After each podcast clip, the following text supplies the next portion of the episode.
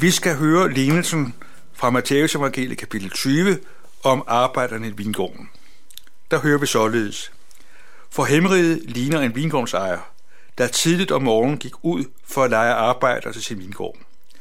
Da han var blevet enig med den ene om en dagløn på en denar, sendte han dem ud i sin vingård. Ved den tredje time kom han ud og så nogle andre stå ledige på torvet. Og han sagde til dem, gå I også hen i min vingård, så skal jeg betale jer, hvad ret er. De gik derhen. Igen ved den 6. og ved den 9. time gik han ud og gjorde det samme. Ved den 11. time gik han derhen og fandt endnu nogen stående der, og han spurgte dem, hvorfor står I her lede hele dagen? De svarede ham, fordi ingen har lejet os. Han sagde til dem, gå også I hen i min vingård. Da det blev aften, sagde vingårdsejeren til sin forvalter, kald arbejderne sammen og betal dem deres løn. Men sådan, at du begynder med det sidste og ender med det første. Og de, der var blevet lejet den 11. time, kom og fik hver en denar. Da de første kom, troede de, at de ville få mere, men også de fik hver en denar. Da de fik den, gav de ondt af sig over for vingårdsejeren og sagde, de sidste der har kun arbejdet en time, og du har stillet dem lige med os, der har båret dagens byrde og hede. Men han sagde til dem, min ven, jeg gør dig intet uret. Bliver du ikke enig med mig om en denar? Tag det, der er dit, og gå. Jeg vil give den sidste her det samme som dig. Eller har jeg ikke lov til at gøre, hvad jeg vil med det, der er mit? Eller er dit øje ondt, fordi jeg er god? Sådan skal de sidste blive de første, og de første de sidste. Normalt kalder vi lignelsen arbejderen om vingården, og det er i og for sig også helt okay. Men i virkeligheden er pointen jo, og det centrale, at vi hører her om Gud, som er den barmhjertige arbejdsgiver. Det er jo det, der er omdrejningspunktet. Vingårdsejeren er et billede på Gud, på Guds fantastiske omsorg og godhed og kærlighed. Gud er totalt kærlig. Han magter at være kærlig over for hver eneste menneske. Vi mennesker, vi er ikke i stand til at elske alle. Vi er kaldet til at elske vores næste. Vi kan ikke elske hele verden. Det er kun Gud, der kan elske hele verden. Og det betyder, at øh, når vi omgås hinanden med omsorg og kærlighed, så er det jo sådan, at dem, der står os nærmest, vores ægtefælle, vores børn, dem viser vi større kærlighed end de mennesker, vi kender. Og det er helt okay. Vi kender til at gøre forskel med omsorg og kærlighed. Men sådan er det ikke hos Gud. Gud er den, der behandler os alle lige godt i ordets bedste forstand. At Gud er ikke den, der gør forskel i sin kærlighed.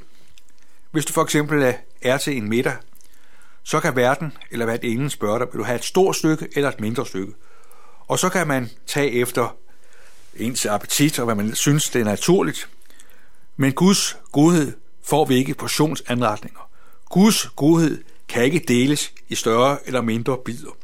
Guds kærlighed er total. Det er det fantastiske. Denne her vingårdsejer er jo et, et tænkt eksempel.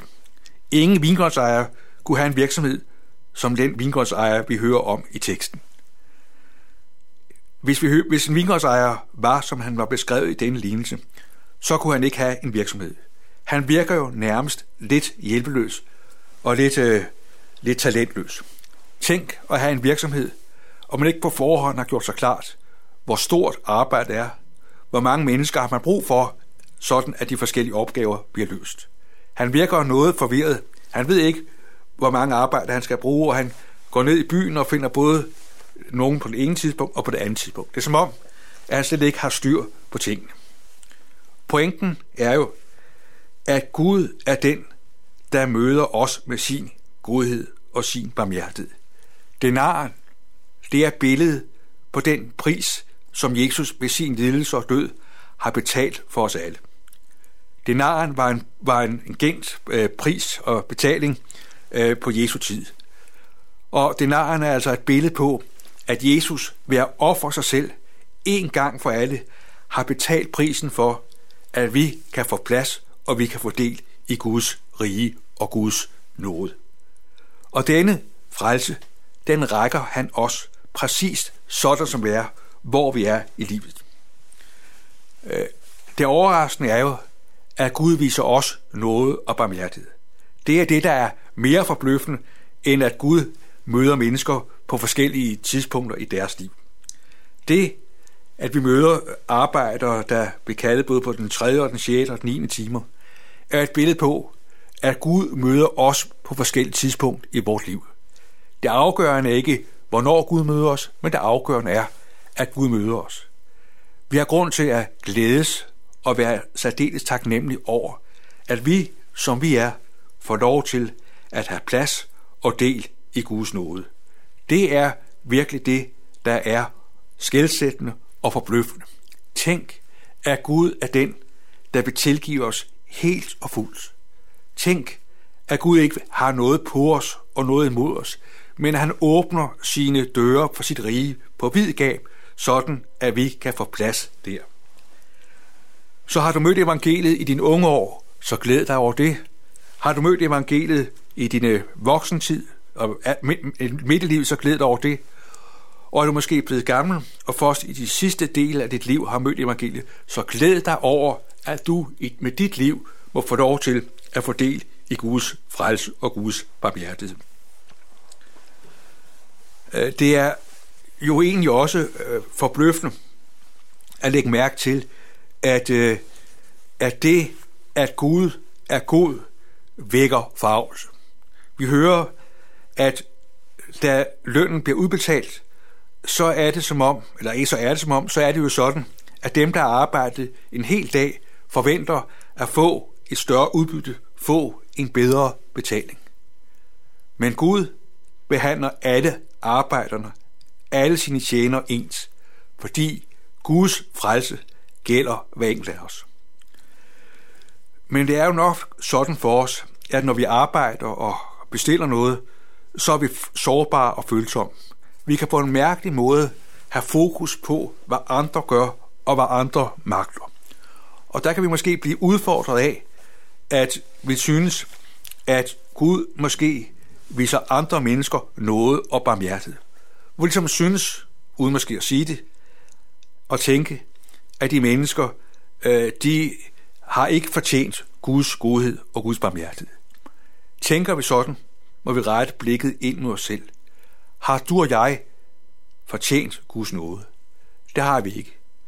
Gud er skruet sådan sammen, at han ønsker at behandle alle lige godt. Lige så godt og lige så meget og lige så overvældende Guds godhed er over for dig. Sådan er Guds kærlighed over for hvert eneste menneske. Når Gud ser os, så ser han os som mennesker, han helt og fuldt elsker. Øh, det er egentlig også mærkeligt at lægge mærke til, synes jeg, at vi hører, at det, at Jesus er, eller Gud er god, at det virker forarvende og stødende. Er dit øje ondt, fordi jeg er god? Det synes jeg er forbløffende. Ofte har vi haft en fornemmelse af, at det er øh, Guds dom, der ligesom skal afsløre mennesker, og det skal være med til, at mennesker kommer ind i relation til Gud. Sådan er det ofte, men her hører vi det modsatte, at det er Guds godhed, at det er Gud behandler alle lige godt, at det vækker forarvelse, at det tager mennesker ansyd af. Og det er jo her problemet er, at de mennesker, der havde arbejdet og gjort en vældig god indsats, og det blev jo ikke problematiseret. De mennesker, der arbejdede meget, de forventede, at de havde et fortrin frem for andre. Det er godt være, at vi tænker sådan, men i Guds verden og i Guds optik er det ikke således. Der er det sådan, at Gud lader sin nåde skrive en ny dagsorden. Hans kærlighed giver plads og kvalificerer os til Guds rige. Det må vi glæde os over. Tænk, at Gud har sådan et hjerte, har et sådan format, at der i hans hjerte, i hans verden, i hans rige, er plads til os alle. Det er der grund til at være glæde, være glad over og sagt nemt over. Og derfor er det jo fantastisk, at vi har fået vort liv med de muligheder og de ressourcer, og også de begrænsninger og indskrænker, det fører med sig, at der får vi lov til at virke for Gud. Tænk, du og jeg har fået livet givet. Vi er sat for at være vidner for den Herre, som elsker hvert eneste menneske. Tænk, du og jeg, vi har fået muligheder givet, som Gud ønsker må få lov til at komme i spil. Vi er sat til at afspejle Guds godhed.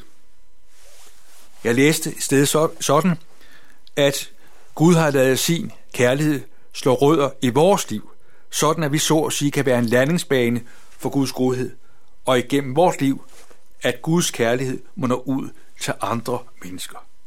Det er dog forbløffende og forunderligt, at du og jeg får lov til at tjene i Guds rige, hvor vi får lov til at tjene med alt det, Gud først har givet os. Han er den, der har sat os til at møde andre mennesker, fordi Gud elsker de mennesker, du og jeg lever sammen med. Vi er ikke kaldet til at sammenligne os med hinanden. Det gør vi tit. Faren, når vi sammenligner os, er jo, at når man sammenligner sig, så kan man ikke blive hårdmodig og tænke og synes, at man har et fantastisk fortrin og et forrang frem for andre. Man kan blive hårdmodig og synes, at andre får for lidt ud af livet. En anden mulighed er, at man kan blive misundelig, at man kan blive bitter og synes, at det er surt og det er trist, at man ikke har øh, de evner, som den ene og den anden har. Vi er ikke kaldet, os, kaldet til at sammenligne os med hinanden. Vi er kaldet til at lade Guds nåde og Guds barmhjertighed slå rødder i vores liv, og ud fra det leve i godhed og barmhjertighed.